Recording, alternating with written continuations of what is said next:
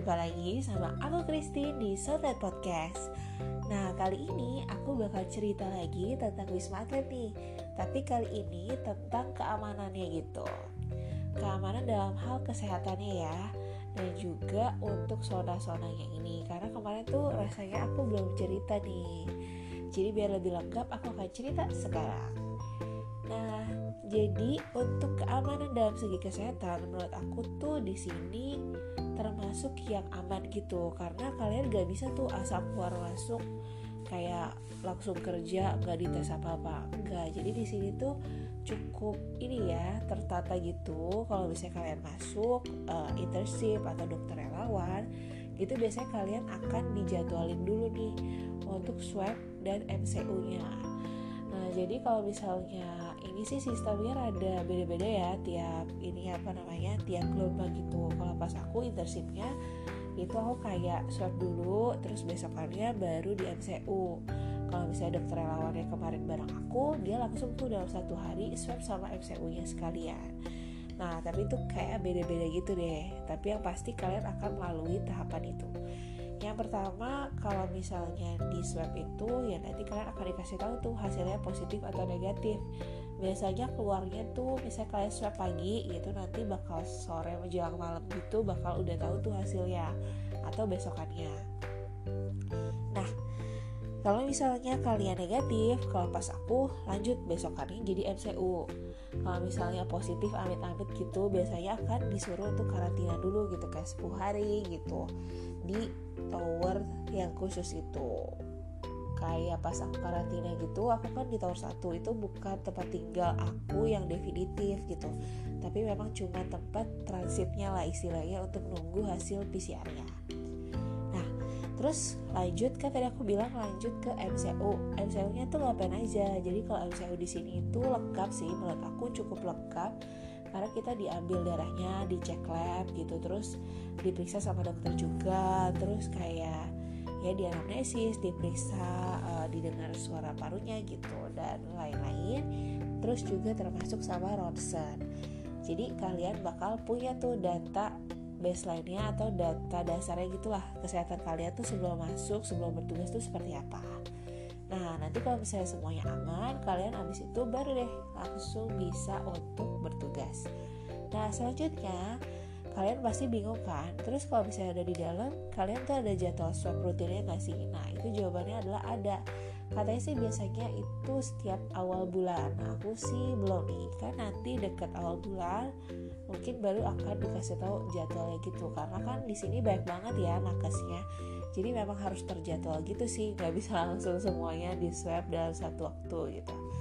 Dan gak cuman waktu kita swab masal gitu yang per bulan sebenarnya tuh kalau misalnya kita ngadain acara misalnya kemarin nih ada acara untuk satu tahunannya RSDC jadi itu tanggal 23 Maret adalah waktu perayaan malam puncak ya gitu. Nah terus sebelum-sebelumnya itu banyak banget lombanya kayak ada lomba voli, lomba badminton, lomba pingpong gitu dan juga lomba yel-yel dan juga lomba film dokumenter dan kerapihan ruangan gitu. Nah itu sebelum kalian untuk lomba pun di sini kan kalau misalnya lomba ketemu orang lain gitu kan. Nah itu kalian akan di swab dulu kalau misalnya aman baru boleh deh kalian untuk ikut lomba kayak gitu. Jadi ya swabnya lumayan banyak lah ya istilahnya kalau misalnya mau ngapain gitu diperiksa. Dan kalau misalnya emang kalian ada apa namanya ngerasa misalnya kalau nakes nih ngerasa kurang enak badan gitu tenang aja. Di sini tuh ada poli yang juga bahkan khusus untuk nakes. Jadi bisa langsung ngecek kesehatan di sana. Kalau misalnya emang perlu misalnya takut nih kok kayak gejala covid ya tenang aja. Langsung bisa di request untuk swab gitu dijadwalin aja gitu karena setiap hari sih ada tuh jadwal swab karena kan pasien-pasien yang dari sini tuh akan di swab pas pulang kayak gitu Nah, itu tadi dalam segi kesehatannya di swab-swab udah ya gitu dan juga ada polinya untuk kalian bisa berobat di sana. Jadi aman sentosa.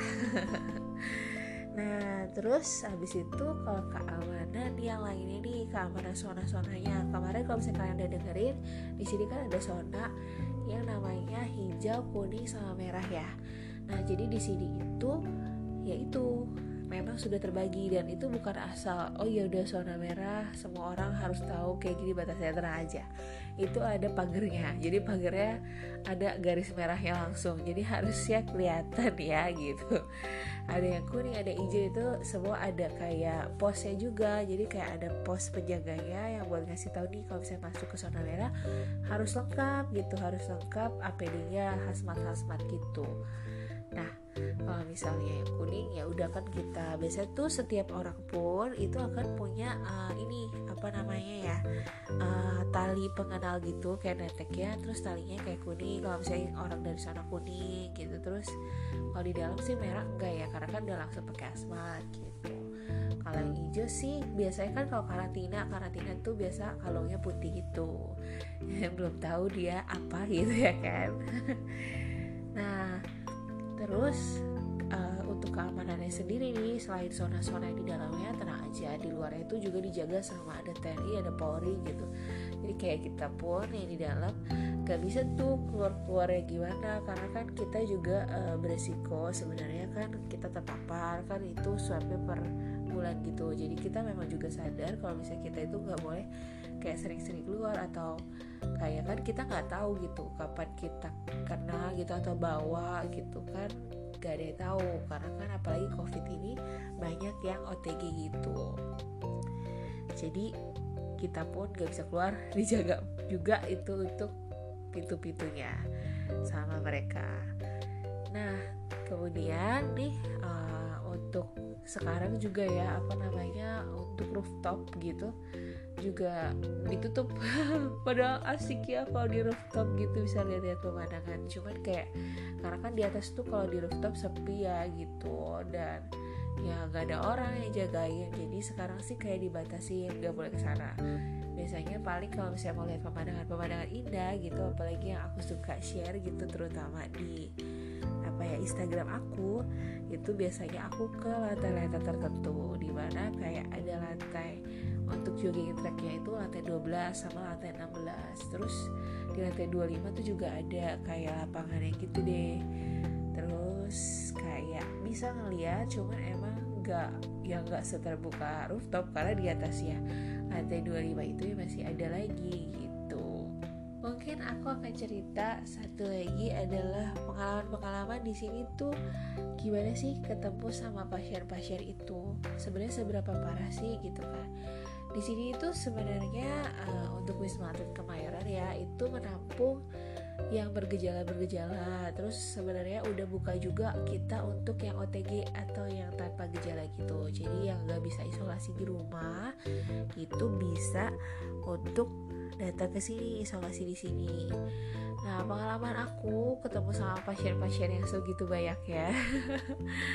Yang aku sampai kayak ya Tuhan kenapa banyak banget? Apalagi belakangan ini ya teman-teman dari ada banjir gitu kan. Terus entah mengapa langsung banyak tuh. Kayaknya karena orang-orang kan mungkin ada juga kena korban banjir itu adalah pasien-pasien yang isolasi di rumah Tapi jadi gak bisa. Terus ada juga yang mungkin habis dari sana terus pas dievakuasi di swab eh positif gitu. Meskipun dia nggak bergejala gitu. Jadi memang lagi banyak banget gitu dan ada ya istilahnya klaster banjir ya gitu. Nah di sini dengan pasien-pasien itu beraneka ragam banget sih ya kayak ketemu ada yang kelihatannya sehat bugar gitu yang memang OTG ada yang gejala-gejala ringan yang pusing-pusing aja gitu. Dan juga ada yang oh, mungkin tergeletak gitu saturasinya turun-turun gitu yang ya gak, gak gitu bagus ya kalau misalnya kita lihat dia gitu kayak gak sehat lah kelihatannya. Nah, tapi di sini teman-teman sebenarnya um, apa ya istilahnya aku ngelihat di sini aku ini ya takjub. Terus kayak terharu gitu kayak aku setiap pagi itu hampir setiap pagi aku tuh suka banget ada di rooftop gitu terutama di tower 2 aku di lantai 12 gitu pemandangan itu bisa ngelihat ke arah tower-tower pasien gitu terus ada kayak tamannya nah mereka tuh biasanya tiap pagi jam 9 itu kan kayak udah aku bilang di podcast sebelumnya mereka itu akan senam gitu. Dan aku kayak ngeliat ya ampun semangat banget gitu. Aku pernah ya dari jam tujuan gitu terus kayak sampai jam 9 mereka masih terus lanjut untuk senam loh.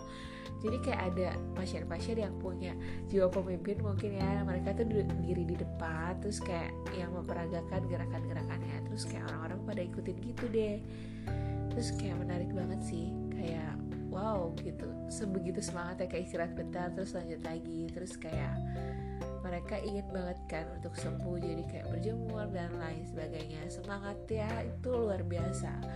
Jadi teman-teman yang gak di wisma atlet pun itu harus tetap semangat gitu. Apalagi yang mungkin isolasi atau yang mungkin lagi di rumah sakit gitu yang terkurung atau apa. Kalian harus semangat karena covid itu lawannya adalah imun tubuh kita sendiri. Kalau misalnya kita senang kita bahagia kita sehat gitu pasti gitu akan ada kayak tubuh kita jadi punya kekuatan untuk melawan gitu. Dan semoga harapannya adalah semua orang itu ya bisa membasmi virus-virus itu dari tubuhnya gitu.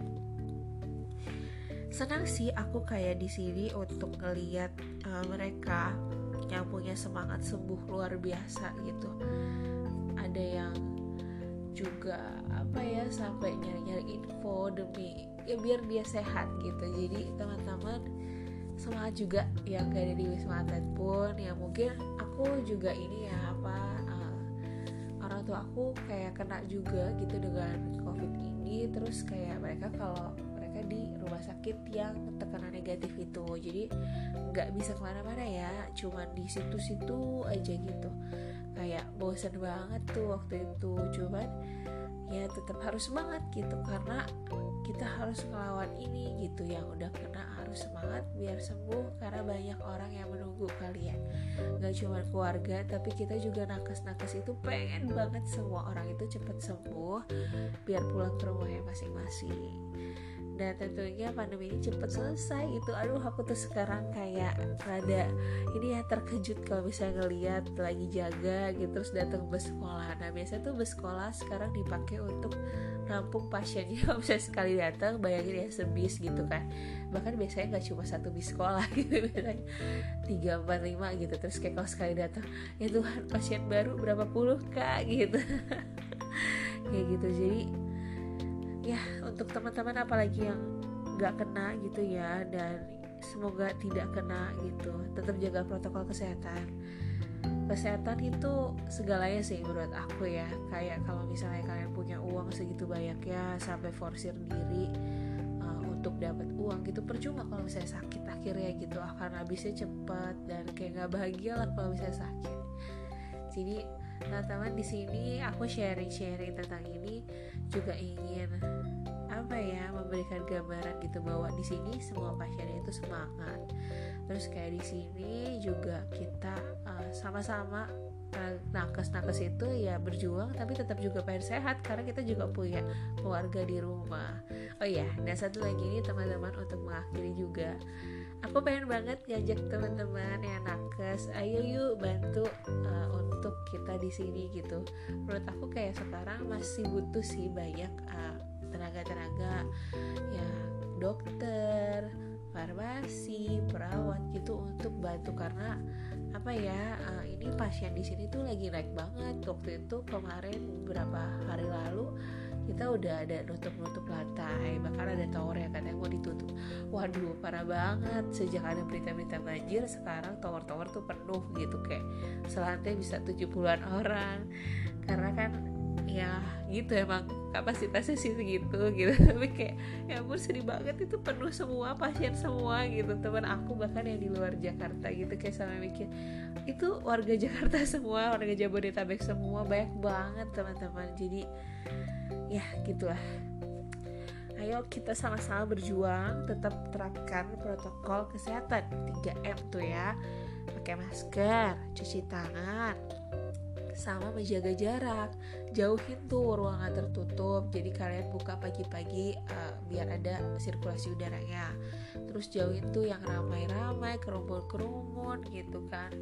Wah itu semua harus kita eliminasi gitu Nah jangan lupa yang satu lagi tentunya yang pasti semua orang suka adalah rumpi jarak dekat. Udah ya kita video call aja rumpinya masih boleh lah. Tapi kita video call aja atau teleponan aja lah ya gitu.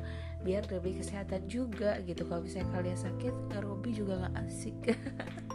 Nah kayak gitu teman-teman. Semoga bisa jadi gambaran-gambaran juga ya. Dan jadi ya memotivasi kalian untuk tetap jaga kesehatan karena kita di sini pun jaga kesehatan. Jadi kalian apalagi yang di luar harus banget jaga kesehatan.